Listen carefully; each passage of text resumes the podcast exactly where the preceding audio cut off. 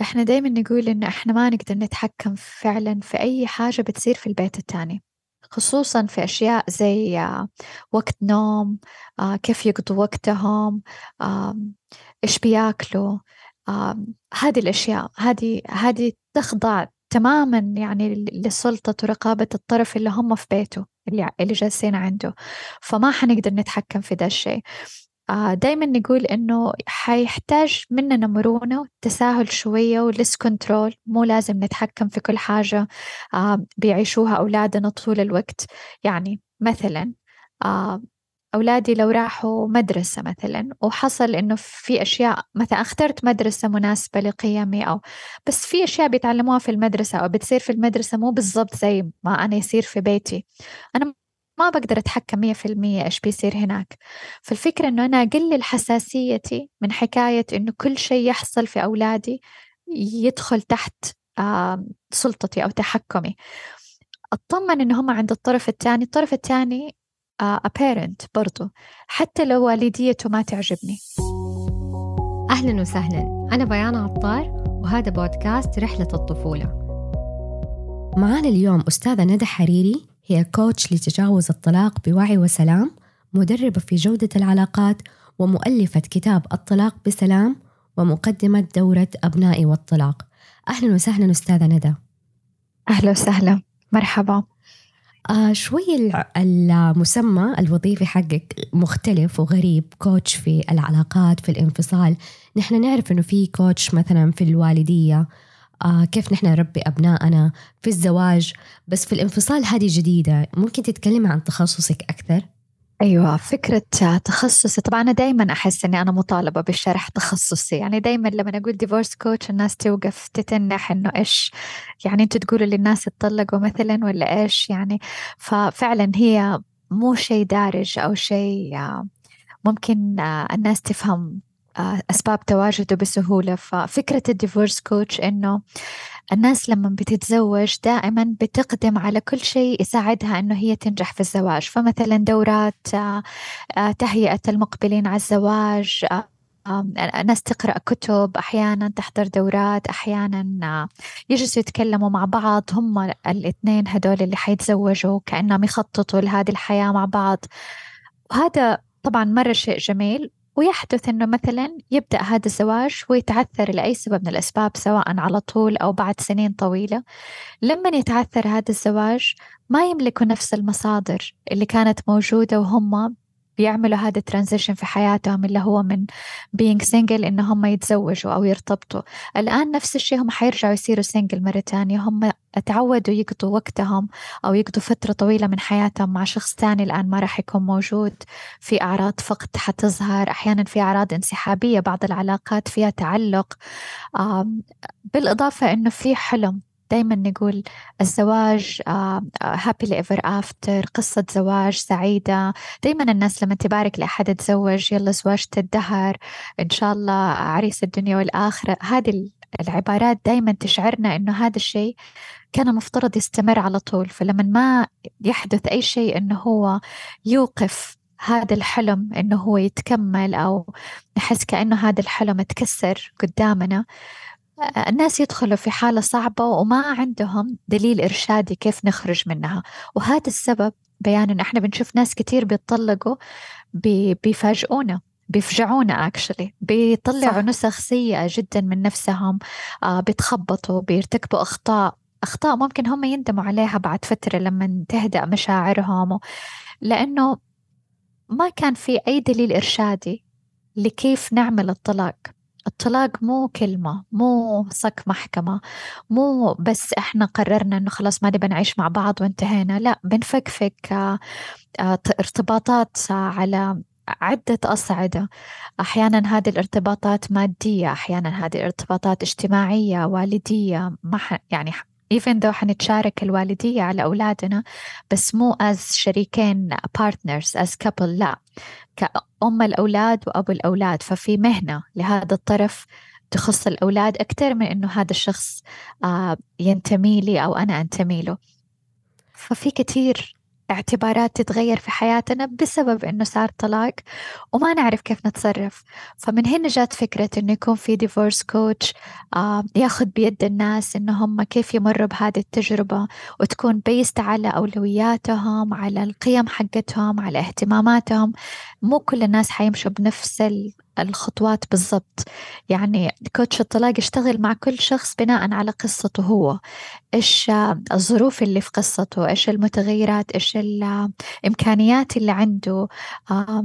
قديش في تعاون من الطرف الثاني مثلا أو ما في تعاون؟ فتختلف القصص ما هي نفسها. لكن في خطوط عريضة نفسها.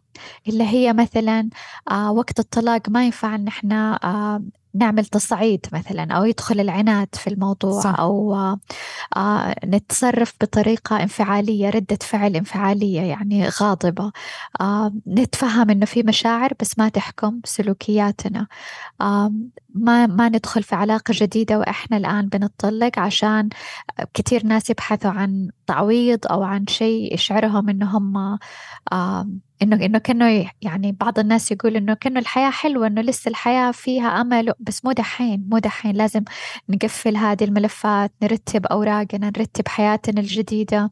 اولادنا أولادنا حيدخلوا معانا في مرحلة مرحلة انتقالية شديدة الصعوبة عليهم ما اختاروها. إذا أنا كنت اخترتها أولادي ما اختاروها. فكيف كمان أساعد أولادي وهيئهم كل هذه الأشياء كانت تحتاج ديفورس كوتش طيب فلنفترض الآن في عائلة مكونة من زوجين عندهم رغبة بالانفصال وفي أطفال من أعمار مختلفة. هل نحن نشاركهم خبر الانفصال وهم مع بعض ولا كل عمر لي آلية معينة في إخباره بخبر الطلاق؟ مثلا لو في طفل أقل من ثلاث سنوات طفل سبعة ثمانية أو في كمان طفل في الخمسة عشر ستة عشر في البداية متى نكلمهم بيان؟ أول شيء دايما الناس اللي. الخطأ اللي ارتكبوه يا إنه يتسرعوا يتكلموا توسون للأولاد. تكون دوبها صارت مشاكل وبعدين نبدأ يعني الأولاد يسمعوا كل شيء about إنه إحنا بدنا نتطلق حنتطلق مش عارف إيه. يعيشوا هذا الرعب أو هذا الخوف من بدري. قبل لا تبدأ الأمور تترتب. قبل لا حتى الأب والأم أحيانا يكونوا متأكدين من قرارهم. فما نكلم الأولاد إلين نكون نحن الاثنين أتأكدنا مية في المية إنه هذا هو القرار اللي نبغاه. خلاص ما عاد في خط رجعة ما عاد في محاولات. إحنا ما بنهدد بعض إحنا ما بنستخدم الطلاق كورقة ضغط على الطرف الثاني عشان يعمل تغييرات معينة. لا. إحنا من جد خلاص نبغى نتطلق إحنا ما عاد قادرين نكمل مع بعض. آه لما نوصل لهذه المرحلة نكون متأكدين من قرارنا نتكلم. وبعض الأهل يعملوا العكس يعملوا إنه يتطلقوا كل شيء يخلص والأولاد ما هم دارين أو ما حتكلمهم. طبعا هم شايفين وأكيد سامعين وحاسين بكل شيء قاعد يصير بس ما حتكلمهم. ما حد جلس آه، فاتحهم في الموضوع أو شرح لهم إيش بيصير في حياتهم. فالاثنين غلط. Too much information. ومن البداية وأقحمهم معايا في كل صغيرة وكبيرة غلط. ويعني تجاهلهم التام أو آه، يعني نخليهم كده في منطقة ضبابية مجهولة مبهمة ما يعرفوا إيش بيصير في حياتهم كمان غلط. طيب لما نكون عارفين إنه إحنا خلاص قررنا إنه إحنا نتطلق وهذا اللي حناخده القرار هنا نتكلم معاهم. آه ما نجمعهم كلهم في نفس الجلسة زي ما قلتي لو في أعمار مختلفة ما ما يكونوا في نفس الجلسة. يعني عادة الكبار يعرفوا قبل الصغار. آه ممكن الصغار لما نتكلم معاهم يكونوا الكبار جالسين معانا. يعني نوع من الدعم مثلا أو السبورت. آه الأم والأب الأفضل إنه الأم والأب هم الإثنين مع بعض يجلسوا يتكلموا مع الصغار في جلسة واحدة. الأطفال يشوفوا الأم والأب جالسين في نفس المكان بيتكلموا معاهم عن نفس الموضوع.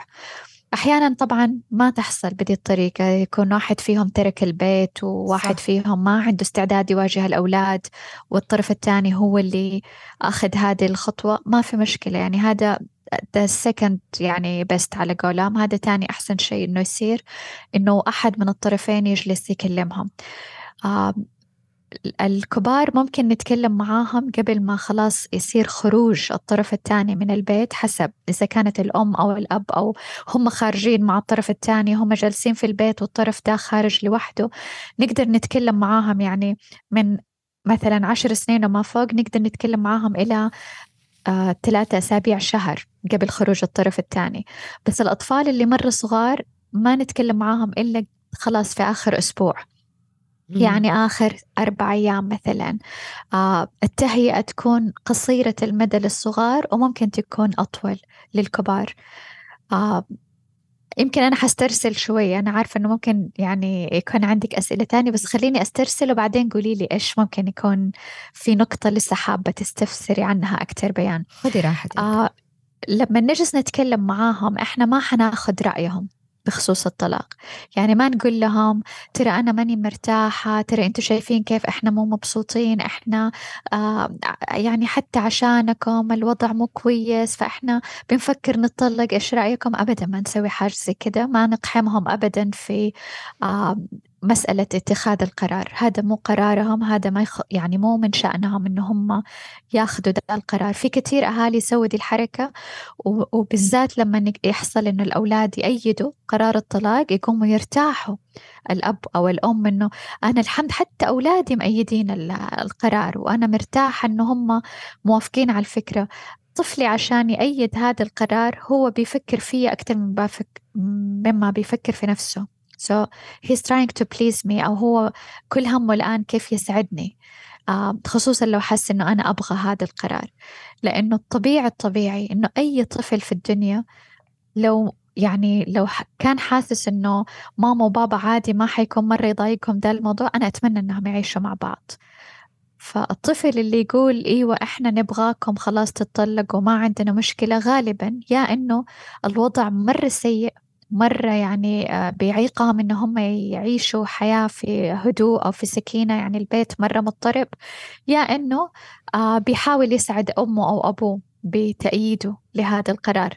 لكن الطبيعي إنه هو حيكون متضايق which is لما أولادنا يبان إنه هم متضايقين من ذا القرار مو معناته إنه إحنا لازم نوصل معاهم إنه هم يصيروا راضين عن ذا القرار. الطبيعي إن هم حيكونوا متضايقين وإحنا حنتقبل إنه هم متضايقين وحنكون جنبهم ومحتوينهم في هذا الانزعاج اللي هم بيعيشوه أو بيمروا فيه. مو الفكرة إنه أنا أحاول أغير ذا الانزعاج لرضا. لا ما ح...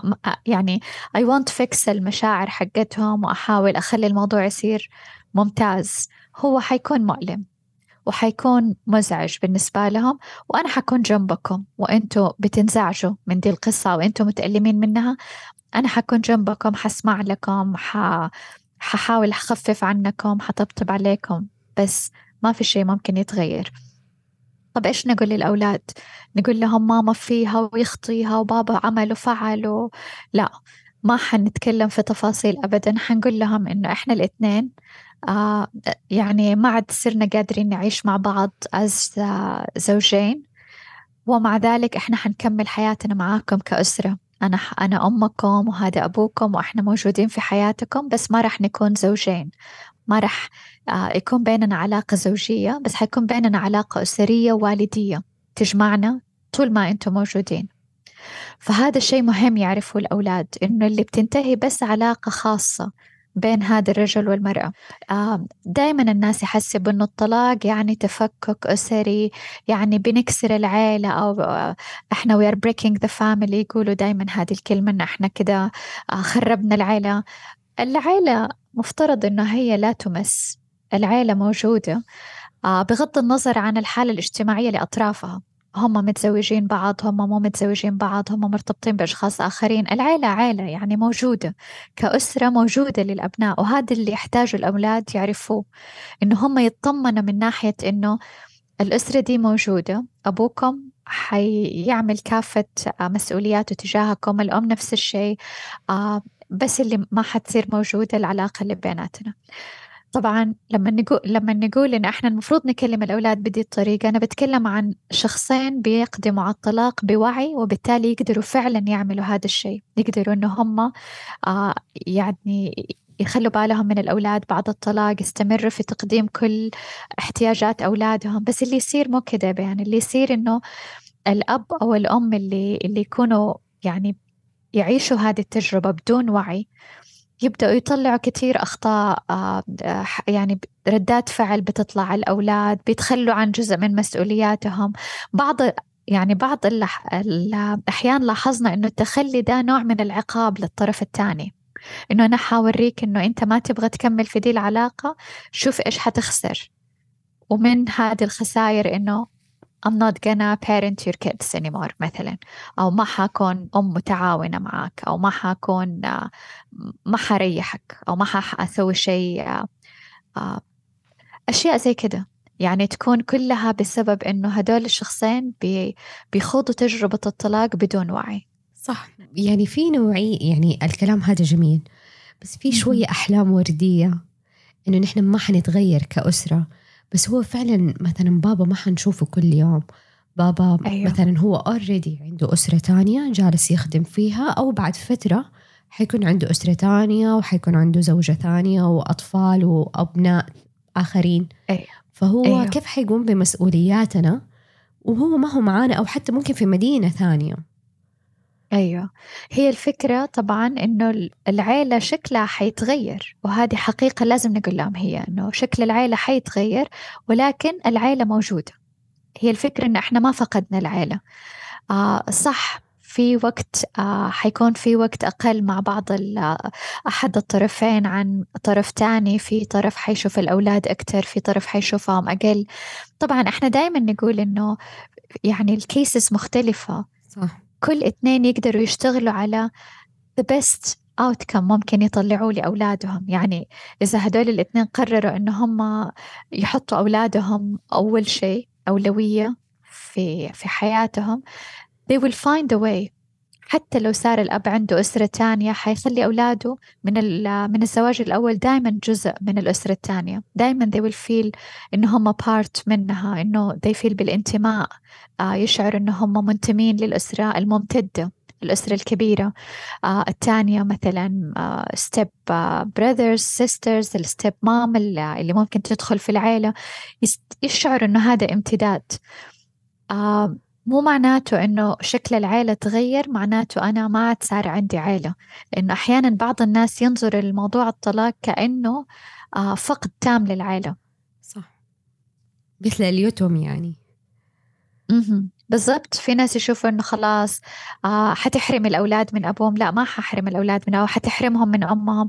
الحرمان يعني ان الطرف الثاني ما بيشوف أولاده. ما بيشوفهم تماما وفي آه، شيء يعني بيمنعه قانونيا أو لكن لما أشوف أولادي يومين في الأسبوع أو وقت أقل هذا مو حرمان هذا ترتيبات جديدة. يعني هذه هي الترتيبات الجديدة اللي ممكن تحصل آه، بسبب وقوع الطلاق. ف definitely مو معناته إنه إحنا حنستمر زي ما إحنا. actually لما تستمر العيل زي ما يعني بعض العوائل يبالغوا في فكرة إنه إحنا ما نبي نغير شيء على أولادنا.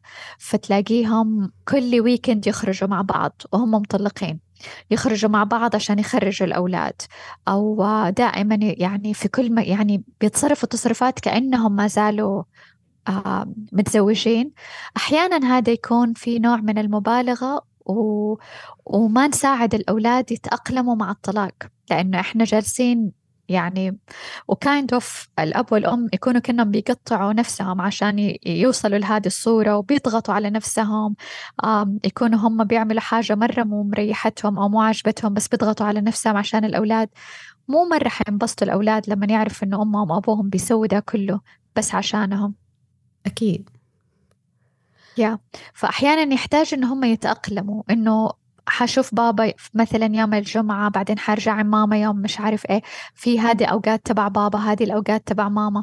صعب على الأولاد في البداية بس حيتأقلموا. يعني هي بالنسبة لهم كأنها ترتيبات زي الأطفال اللي أبوهم آه، يشتغل في مدينة تانية مثلا ويجيهم في الويكند وهو متزوج أمهم يعني هم ما زالوا آه، مثلا آه، عائلة فيها علاقة زوجية بس الأب مو عايش معاهم لظروف شغله.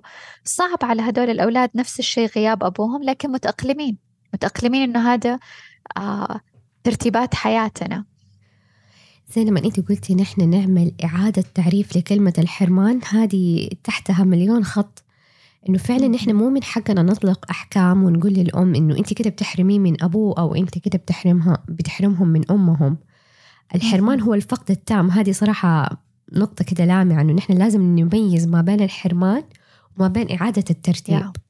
أيوه لأنه الموضوع حتى وصل للدراما يعني الناس صارت تعمل دراما اوت مثلا يكون الأولاد عند أبوهم الآن. آه تجي الأم تبى تأخذهم فجأة بدون ترتيب بدون آه نظام بدون آه ما تكون استأذنت من الأب في الوقت اللي هو المفروض إنه يكونوا عند آه أبوهم. فلما الأب يقول لا هذا ألو... لأنه عنده مثلا system معين. مثلا هذا وقت نومهم أو هذا وقت إنهم يحلوا واجباتهم وحيجوكي مثلا بكرة أو بعده فنلاقي دراما تحصل. بيحرمني من أولادي بيحرم أو مثلا أب يبغى يشوف أولاده بس يبغى يشوفهم بشروط معينة يبغى يشوفهم في مكان معين والأم تشعر بالخوف إنه هي تخليهم يروحوا ده المكان فتقرر إنه هو يقدر يجي يشوفهم في بيت أهلها. ما يرضى يروح بيت أهلها فيقول بتحرمني من أولادي. يعني أنا حقيقي من شغلي شفت ناس كثير استخدمت حرمتني من أولادي وحرمني من أولادي. لما ندخل معاهم في التفاصيل there is no حرمان في الموضوع. بس لازم كان الموضوع يصير بماي واي مثلا أو بطريقتي. صح. طب دحين فلنفترض أنه الطلاق تم وكل واحد راح البيت اللي هو يبغاه والأطفال مع أحد الطرفين. طيب لما أنا أرسل أطفالي للبيت الآخر في حالتين. الحالة الأولى إنه أنا ما بعرف أصلا إيش بيصير في البيت الآخر. هل هم أيوة. مثلا عندهم قواعد تشبه بيتنا ولا لا؟ أو الحالة الثانية إنه أنا بعرف إنه بتصير أشياء في البيت الثاني مخالفة تمام مخالفة تماما لقيمي ومبادئي يعني مثلا تلفزيون مفتوح 24 ساعة بدون رقابة آه، حلويات وشيبسات طول الوقت آه، آيباد إلى آخره. أيوة. أنا كيف أتصرف في هذه المواقف؟ أيوه. إحنا دايما نقول إن إحنا ما نقدر نتحكم فعلا في أي حاجة بتصير في البيت التاني خصوصا في أشياء زي آه، وقت نوم آه، كيف يقضوا وقتهم إيش بياكلوا هذه الأشياء هذه هذه تخضع تماما يعني لسلطة ورقابة الطرف اللي هم في بيته اللي اللي جالسين عنده. فما حنقدر نتحكم في ده الشيء. آه، دايما نقول إنه حيحتاج مننا مرونة وتساهل شوية ولس كنترول مو لازم نتحكم في كل حاجة آه، بيعيشوها أولادنا طول الوقت. يعني مثلا آه، أولادي لو راحوا مدرسة مثلا وحصل إنه في أشياء مثلا اخترت مدرسة مناسبة لقيمي أو بس في أشياء بيتعلموها في المدرسة أو بتصير في المدرسة مو بالضبط زي ما أنا يصير في بيتي. أنا ما بقدر أتحكم مية في المية إيش بيصير هناك. فالفكرة إنه أنا أقلل حساسيتي من حكاية إنه كل شيء يحصل في أولادي يدخل تحت سلطتي أو تحكمي. أطمن إن هم عند الطرف الثاني الطرف الثاني parent برضو.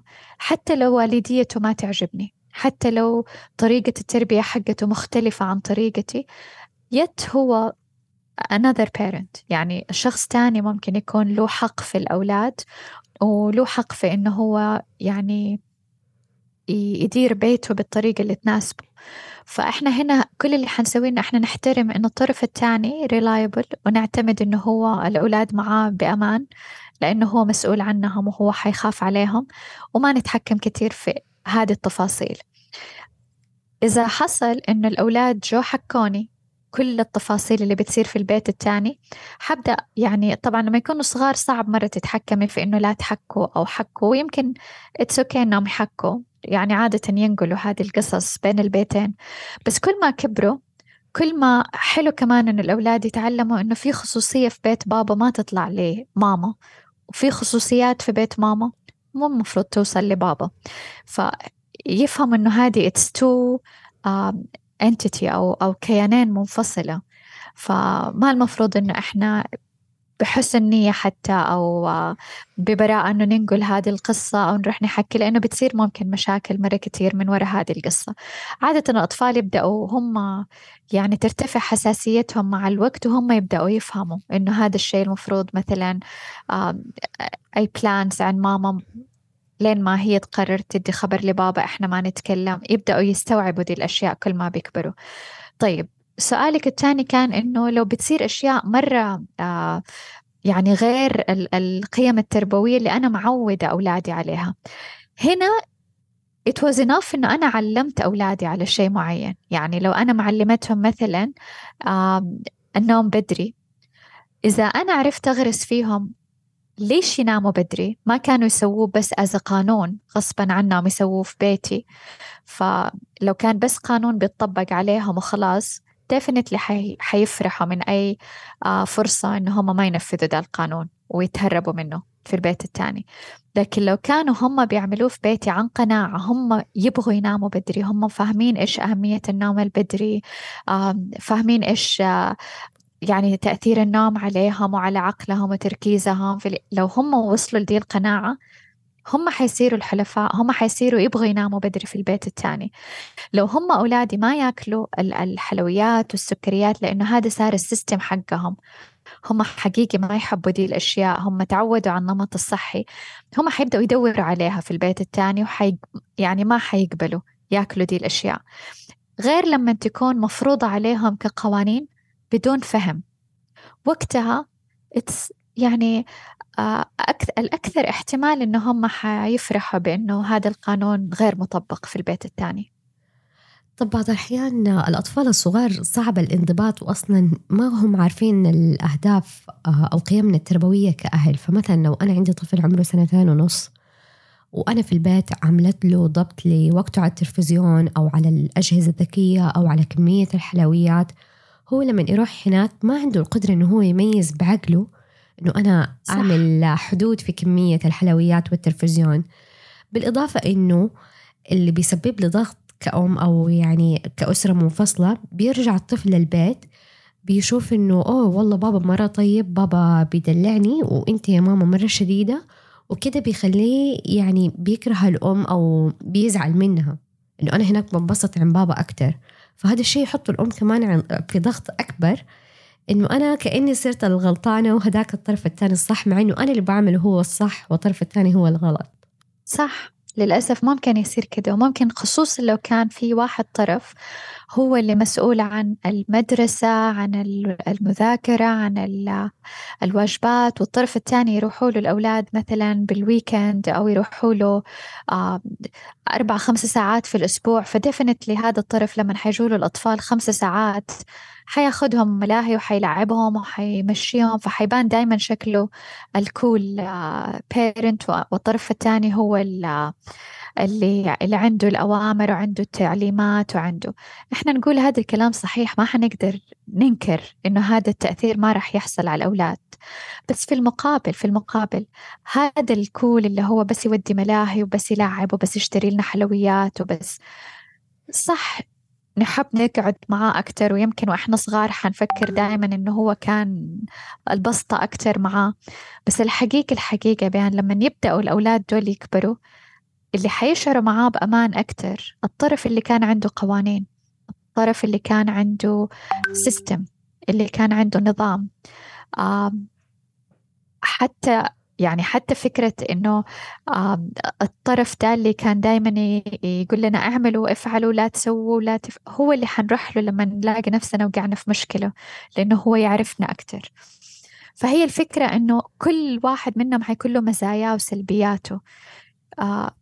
من ضمن السلبيات إيوه للطرف اللي هو on duty طول الوقت وهو اللي بيعمل كل حاجة إنه هو حيبان شكله إنه هو أقل جاذبية لأولاده. خصوصا لو هو كان مرة منغمس كمان في الدور حق إنه هو بس اللي عليه يأدب وبس يصحح عشان كده دايما نقول مهم مرة يكون في ارتباط عاطفي بيننا وبين أولادنا. حتى لو كنا بنصحح حتى لو كنا بنعمل ال part هذا حق الوجبات والأكل المش عارف إيه وعدد ساعات أقل في الآيباد وعدد even though بنسوي هذا كله لازم نركز على الارتباط العاطفي. لأنه once يكون في connection بيننا وبين أولادنا يسهل عليهم إن هم يعملوا أي حاجة تانية ممكن نقولها. إيش حنعمل في إنه ولدي اللي عمره سنتين ولا سنتين ونص لما يروح بيت أبوه يجلس على الآيباد طول الوقت وما في أحد يكلمه ما حنقدر نعمل ولا حاجة. إذا كان هذا الطرف ممكن يتعاون معاكي وتتكلمي معاه وتقولي له مثلا إيش آه نظامي في التربية أو إيش نحب نكون في قيم تربوية مشتركة بيننا ممتاز. بس أغلب أغلب القصص هم أصلا غير متفقين في صح. القيم التربوية. هم غير متفقين في القيم الحياتية أصلا عشان كده انفصلوا. فيصعب مرة إنه إحنا نلاقيهم يجوا معانا على نفس الصفحة. فبدل ما أعملها قصة وممكن القصة دي توصل لدرجة إني أنا أفضل إنه ولدي ما يروح عند الطرف الثاني وصدقيني ولدي حي يستفيد نفسيا من إنه هو يروح عند الطرف الثاني ده even though بيقعد على الآيباد وبياكل حلويات بس بيشوف أبوه أو بيشوف أمه قادر آه، يشعر بوجود هدول الناس في حياتهم. أكثر من إنه هو ما عاد يروح لهم وينضبط و... ويتربى بطريقة مثالية وياكل أكل صحي و... ففي أشياء أنا لازم يعني زي ما نقول نسدد ونقارب لازم نتنازل عن أشياء مقابل أشياء أهم. صح أنا ما أبغى طفلي يأكل هذه الأشياء أو ما أبغى يقضي وقت طول الوقت على الآيباد بس هذه في الحالة الطبيعية هذا في النورمال. آه في الوقت الوقت العادي اللي ما في هذا ال situation حق الطلاق. بس في وضع الطلاق أو في وضع هذا الظرف اللي إحنا فيه أهم من إنه هو قد إيش جلس على الآيباد ولا إيش أكل أهم من ده كله إنه هو جلس مع أبوه إنه هو قدر يروح لأبوه ويشوفه. فهنا لازم نركز إيش الأولويات عندنا. مرة نقطة جميلة. طب ينفع أفضفض أحد أبنائي خصوصا الكبار عن الطرف الآخر؟ يعني بعض الأحيان مثلا إجي الطفل ماما أنت ليه ما ترجع لبابا؟ تقول له والله هو اللي ما يبغاني أنا حاولت مرة كثير هو اللي أختار عائلة تانية إلى آخره. الفضفض بعض الأحيان إنه أنا تخفف علي الضغط كأم إنه ترى. أنا بذلت كل شيء أنا أقدر عليه والطرف الثاني هو اللي ما يبغى مم.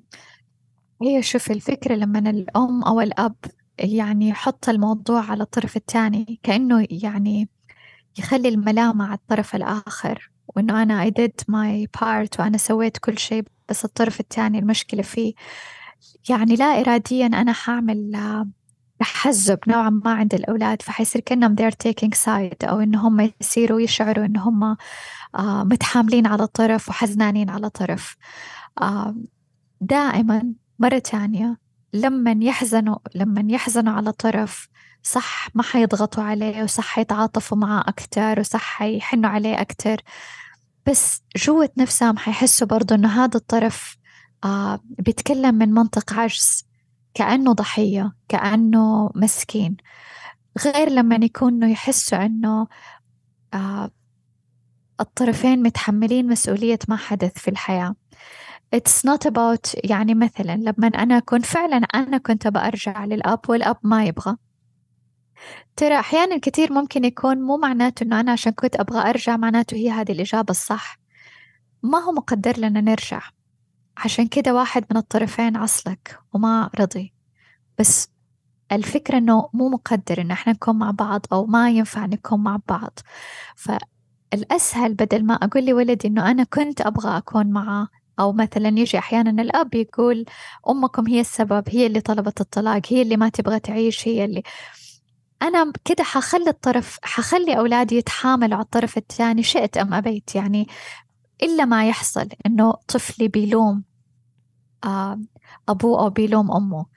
وإحنا ما نبى الأطفال يدخلوا في حتة مين صح ومين غلط. ما نباهم يدخلوا في حتة آه، آه، مين مع الحق. لأنه هذا يرهقهم. هم يشعروا إن هم ينتموا للأب وينتموا للأم فهم يحسوا نفسهم متقطعين بين الإثنين. يعني أبسط من كده أبسط من كده بيان. مو لازم طلاق. انت لو أبوك وامك عايشين مع بعض في بيت واحد ومبسوطين ومتزوجين وجو في يوم من الأيام اختلفوا في حاجة وجو قالوا لك تعالي أسمع القصة. مين فينا غلطان؟ مرة حتحسي نفسك مستصعبة تقولي مين الغلطان حتى لو عندك رأي. أو مرة صعب عليك إنك تحس إنه أنت بتاخدي side لأحد وكأنه جزء من الموضوع يصير إني أنا بخون الطرف الثاني اللي ما أخذت ال side حقه.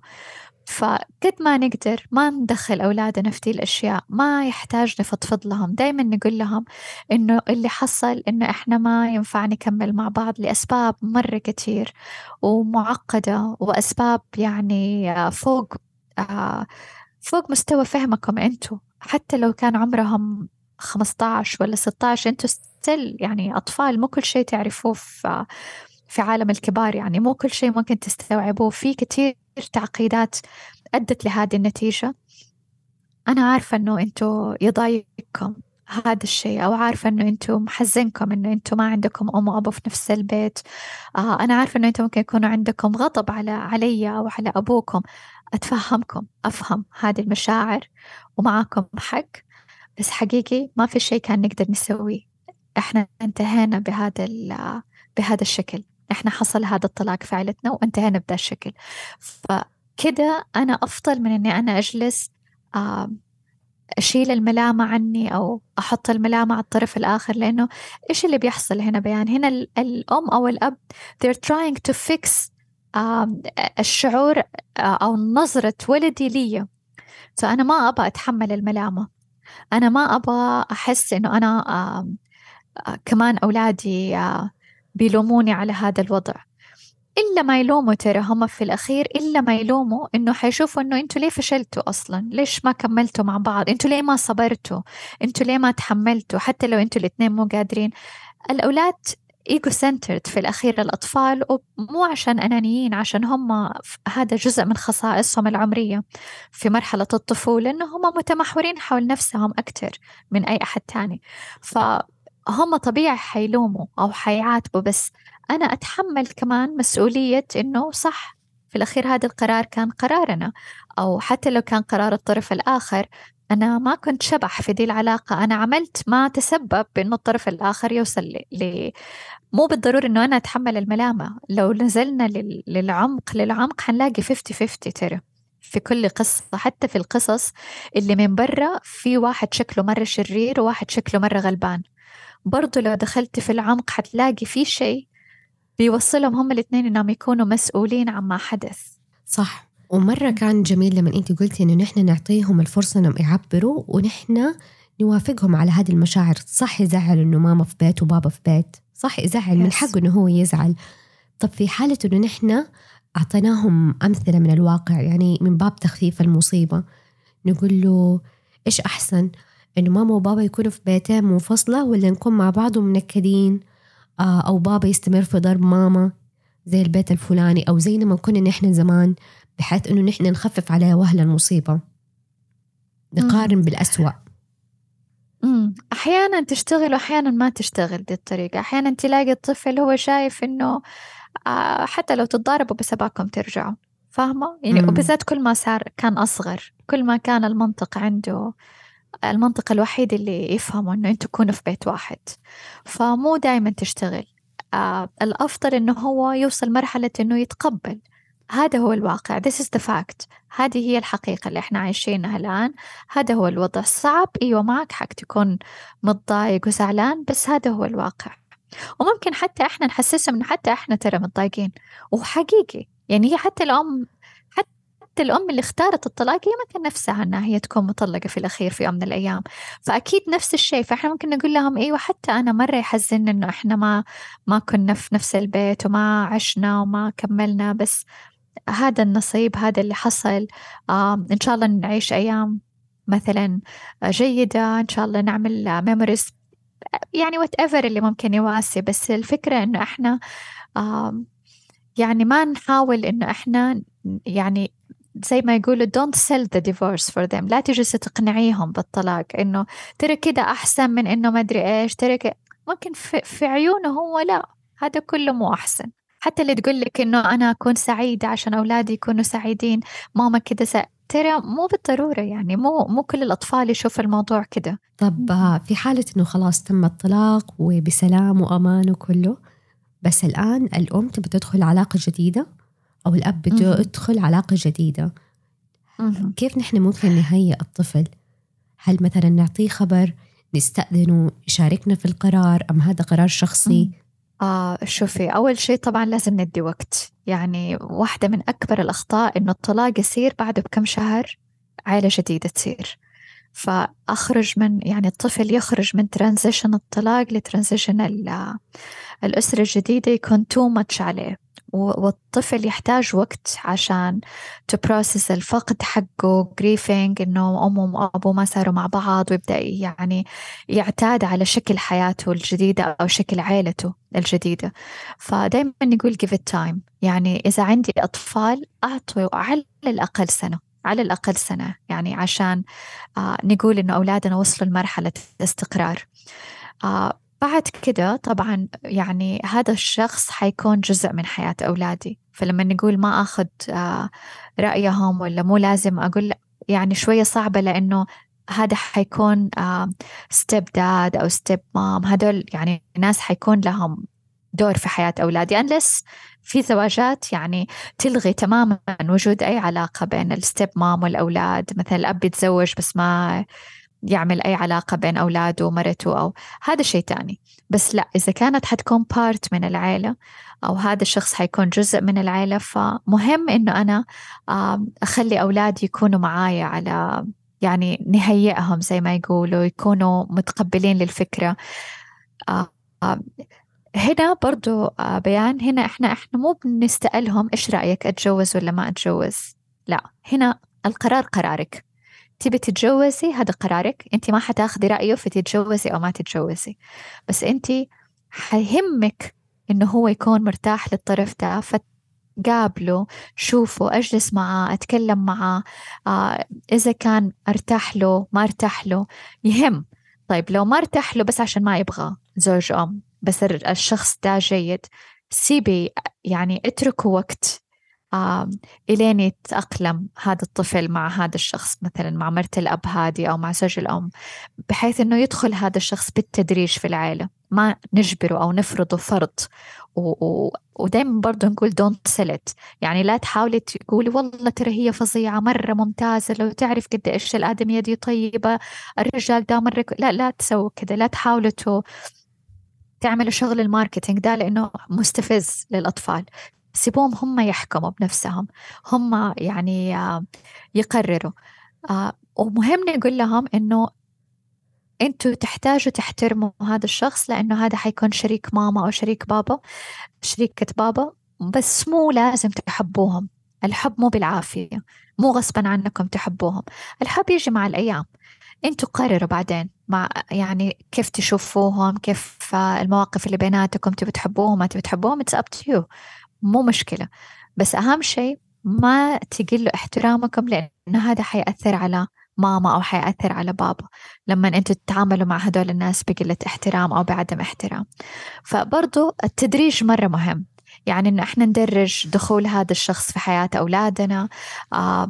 برضو نسمح إنه يكون مثلا الأب اللي تزوج واحدة جديدة مثلا. مهم إنه هو مو كل ما شاف أولاده هذه الست دائما موجودة. حلو إنه هم they still feel إنه هم they can have quality time مع أبوهم. يقدروا لسه يجلسوا مع أبوهم لوحدهم ويخرجوا معاه لوحدهم وحيشوفوا كمان مع أحيانا مرة أبوهم بس مو دائما المشكلة أحيانا أن الأطفال يرفضوا الطرف الثاني لما يصير هذا الطرف طول الوقت جالس مع أمهم أو طول الوقت جالس مع أبوهم. فبالتالي إحنا كأننا kind of we lost يعني أبونا أو أمنا مرة ثانية إنه ما صاروا موجودين في حياتنا لأنهم صاروا مرة مشغولين. فدائما نقول احرصوا على ال connection على ال quality time على تأكيد الحب تأكيد إنه أنا أحبكم أنتم مهمين بالأفعال مو بس بالكلام. أنا تصير عندك حفلة أجي أحضرها أعرف إنه أنت عندك اختبار أسأل عنك بالكل يعني بالأفعال مو بس كلام. بعد كده يقدر يعني طفلي ده يقدر يتقبل أكتر لكن لما أنا فجأة أنسحب من حياته وأنشغل بالطرف الثاني وطول الوقت أنا جالس أمدح في الطرف الثاني في اتيكيت معين ممكن كان يبسط الموضوع أو يصعبه. فالناس اللي دايما تشتكي إنه الزواج مرة تانية آه الأطفال يرفضوه طب again how did you process it كيف حصل كيف كيف تمت الدخلة دي حقت الطرف الثاني في حياة أولادكم؟ أتوقع إنه كمان لما نحن نيجي نفرض الطرف الثاني كأنه أم بديلة أو أب أيوه. بديل هذا الشيء أيوه. يسبب مقاومة كبيرة عند الطفل وصراحة أيوه. هذا الشيء اللي بيصير دارج صح وحتى دائما نقول اسمح لطفلك هو يختار إيش يبي ينادي هذا الشخص صح يبي يناديها خالة يبي يناديها ماما يبي يناديها باسمها يعني اسمح له هو يختار هذا ما هذا الشيء ما يقلل من احترامها. يعني ما حيقلل من احترام الطرف ده طفلي إيش أختار ينادي. لكن طبعا لو صرخ فيه ولا آه، طفلي مثلا آه، يعني حتى لو مثلا طفلي ما يبي يجلس مع هذا الشخص اليوم مثلا خارجين نتعشى وما يبي يجي. هذا مو تقليل احترام. يعني في الأخير لازم ندي للطفل مساحة إنه هو يشعر بال آه، بمساحته. لكن فكرة إنه أنا أفرضها تعال قل لها ماما أو قولي له بابا أو لا هو في الأخير عنده مامته وعنده أبوه و يعني ما نشعرهم إنه إحنا بنستبدل أحد أحد مرة غالي وعزيز عليه بأحد stranger ترى هذا طلع ولا نزل؟ yet stranger شيء لسه أنا ما أعرف مين ده. صح. وتبغوني أستبدل أمي اللي مرة تهمني أو أبوي اللي مرة يعني لي بهذا الشخص فهذه صعبة. برضو والناس لما تفرض تحسب إنه أنا كده يعني عوضته. حعمل استقرار. أيوه أو عوضته أو أو أو بفرض احترام أو بس هي ما تجي كده. لازم نراعي في الأخير نفسية هذا الطفل. حتى لو أنت بتقولي إنه آه لو أمي تعني لي أو أبوي يعني لي أتوقع حتى في حالة إنه لا سمح الله الطفل هذا كان بيكره أبوه إنه هو تركهم هجرهم مم. إلى آخره. يعني فكرة صح. إني أنا أحط بديل بغض النظر عن الأب أو الأم طيبين أو لا هي فكرة غير مقبولة صح. هذا يظل زوج صح. أم هذا يظل هذه تظل زوجة أب مم.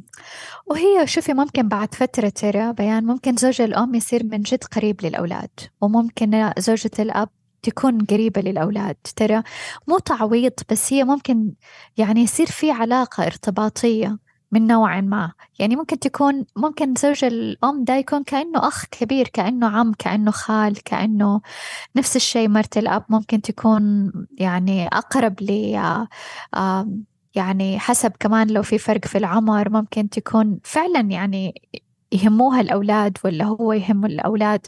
مو معناته إنه هم دائما كمان زي مرة أب سندريلا ولا هم دائما حيكونوا أشرار.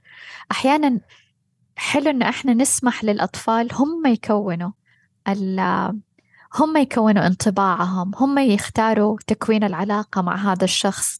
وحسب هذا الشخص لو هذا الشخص فعلا غير مريح ولا هذا الشخص فعلا حق الطفل إنه هو ما يبي يكون له أي علاقة مع هذا الشخص. إذا كنت خايف على أولادك أو خايف على أولادك إنه كيف الطلاق حيأثر عليهم ف أنا أول شيء يعني آه، أشكركم على إنه عندكم هذا الخوف لأنه هذا الخوف هو اللي حيخليكم تكونوا حريصين على إنه أنتوا تضلوا في أحسن نسخ من نفسكم كأب أو كأم. آه الطلاق حيأثر على الأولاد ديفنتلي حيأثر. هذا الشيء طبيعي حيتألموا منه. آه هذه مرحلة انتقالية في حياتهم هذا تغيير كبير بيصير في حياتهم. لكن مو بالضرورة إنه هذا التأثير حيدمر نفسياتهم أو أولادي حيضيعوا أو أولادي آه آه خلاص حي يعني حيتعبوا نفسيا ولازم لهم علاج. لا مو بالضرورة. بس إيوه حيتأثروا حيتألموا. وش يعني دورك هنا كأب أو كأم إنه أنتوا تركبوا معاهم الموجة هذه تشاركوهم أو تحتووهم وهم بيتألموا. لا تحموا أولادكم من الألم قد ما كونوا جنبهم وهم بيتألموا. لأنه في الأخير الألم حتمي في الحياة. يعني لو مو من طلاق حيصير لهم من أي قصص تانية يعني ممكن لسه يعيشوها في حياتهم. فالفكرة أنه لا تشوف الطلاق أز دراما هو دراما لما ما كان عندنا الأدوات الصحيحة إنه إحنا كيف نعمله. آه، دراما لما كنا نسمح لجنون ردات فعلنا و يعني عدم الوعي يتحكم فينا أو زي ما نقول آه، نشخصن الأمور أو الإيجو أو الأنا الزائفة اللي بداخلنا هي اللي تصير هي اللي بتدير المشهد. أيوة هنا ممكن يعمل دراما هذا الطلاق. لكن ممكن كمان يتم بطريقة واعية بطريقة civilized حضارية بطريقة فيها حرص على الأسرة. حرص إنه إحنا هدفنا الأسرة. لما نتزوجنا كان هدفنا الأسرة. لما نطلقنا والقرآن كده علمنا إمساكم بمعروف أو تسريحهم بإحسان. الاثنين زي بعض. يا حتمسك بمعروف يا حتسرح بإحسان. وفي الأخير أنت إنسان صالح. مو معناته أنه أنت آه طلقت ولا أنه هذا يجعلك آه يعني مسلم درجة أقل ولا. ما في شيء زي كده في ديننا. هذا مجرد يعني آه، آه، مخرج لعلاقة زوجية آه، مضطربة غير سعيدة غير مستقرة فيها مشاكل فيها اختلافات كبيرة. هذه الاختلافات مو بالضرورة بس حتأثر على أولادنا حتأثر على مدى يعني صلاحنا أو إنتاجيتنا في الحياة مدى يعني كيف نعيش حياتنا بجودة. ففي الأخير الطلاق كان يعني مخرج بس مو معناته إنه هذا المخرج آه عشوائي. مو معناته إنه هذا المخرج أقدر أسوي فيه اللي أبغى وأقول خلاص أنا ضغطت زر delete واتمسح هذا ال partner لا في أولاد. طالما في أبناء فهذا الشخص بس ما صار زوجي أو بس ما صارت زوجتي لكن هم آه، شركائي في والدية أبنائي. جميل. كمان نحن هنا أستاذة ندى ما بندعو الناس إلى الطلاق أو إنه هو يكون الطلاق أول حل لأي مشكلة بس عشان الناس لا تفهم غلط. Definitely. طبعا إنه هو آخر طبعًا. الحلول. بالعكس الناس يعني الناس بتوصل أصلا لقرار الطلاق يعني رجل ورا ورجل قدام ترى حتى الناس اللي تشوفيها مدرعمة ومقدمة وتبغى تطلق ترى آه، سبحان الله ليه العدة موجودة؟ وليش يعني في مرحلة تسبق إنه الطلاق يصير؟ ترى كثير يترددوا ويروحوا ويرجعوا ويفكروا ويحسوا إنه يعني استنفذوا كل الحلول حتى وصلوا لهذا لهذا القرار. طبعا أكيد في ناس أكيد في ناس مندفعة وأكيد في ناس أخذت القرار بدون تفكير بس إحنا ما نقصد هدول الناس يعني أكيد لكل قاعدة شواذ. صح. طيب أستاذة ندى في نهاية هذه الحلقة نشكرك جدا على موافقتك إنك تكوني معانا في أحد الحلقات من بودكاستنا. جدا جدا استفدنا منك. وإذا في أحد حابب مثلا إنه هو ياخذ منك استشارة خاصة هل في مجال ولا كيف؟ أي والله يحييهم ممكن يجونا في مركز اتزان عندنا هناك الجلسات الكوتشنج اللي هي حتى الجلسات اللي بنعملها أحيانا to process the divorce يعني مثلا آه، يكونوا الإثنين خلاص اتفقوا على الطلاق ونجلس نتكلم معاهم إيش يقولوا لأولادهم إيش آه، كيف يهيئوا أبنائهم للطلاق يكون في خطة والدية يركزوا عليها في نعمل هذا الشيء وكمان عندي الجلسات الأونلاين اللي هي أي أحد من برا جدة as a divorce coach يعني as أو as a coaching session لموضوع الطلاق طب في جلسات للأطفال ولا هذا الشيء بس يكون لل يعني للآباء والآباء هم ينقلوا للأبناء؟ أيوة طبعا في مختصين للأطفال. يعني في ناس شغلهم آه، أو دراستهم تخصصهم كان مع الأطفال ثيرابيست فممكن نحول عليهم ساعات لو حسينا أنه الطفل مم. يحتاج. طبعا زي ما قلنا الطفل متألم ومتضايق من الطلاق مو بالضروري يحتاج بس الطفل ده صار مو قادر يروح المدرسة بس يشتكي أنه بطنه توجعه آه صار ما بينام كويس صار عنيف شوية في المدرسة أو صار العكس هو بيتعرض لتنمر شديد آه تزامن مع مرور أمه وأبوه بالطلاق. هنا في أحداث تستدعي therapy أو تدخل آه يعني لهدول الأطفال مع ناس متخصصين. بس مو بالضروري إنه كل أب وأم أطلقوا إن أولادهم صاروا يحتاجوا آه لمختص. شكرا جزيلا أستاذة ندى وإن شاء الله ما تكون آخر حلقاتنا معاكي. نحتاجك كمان. أهلا وسهلا. أهلا وسهلا بيان وأنا يعني سعدت وتشرفت بهذا اللقاء. مرة شكرا لكم. في نهاية الحلقة شاركونا أسئلتكم ومقترحاتكم على مواقع التواصل الاجتماعي. وانتظرونا قريباً.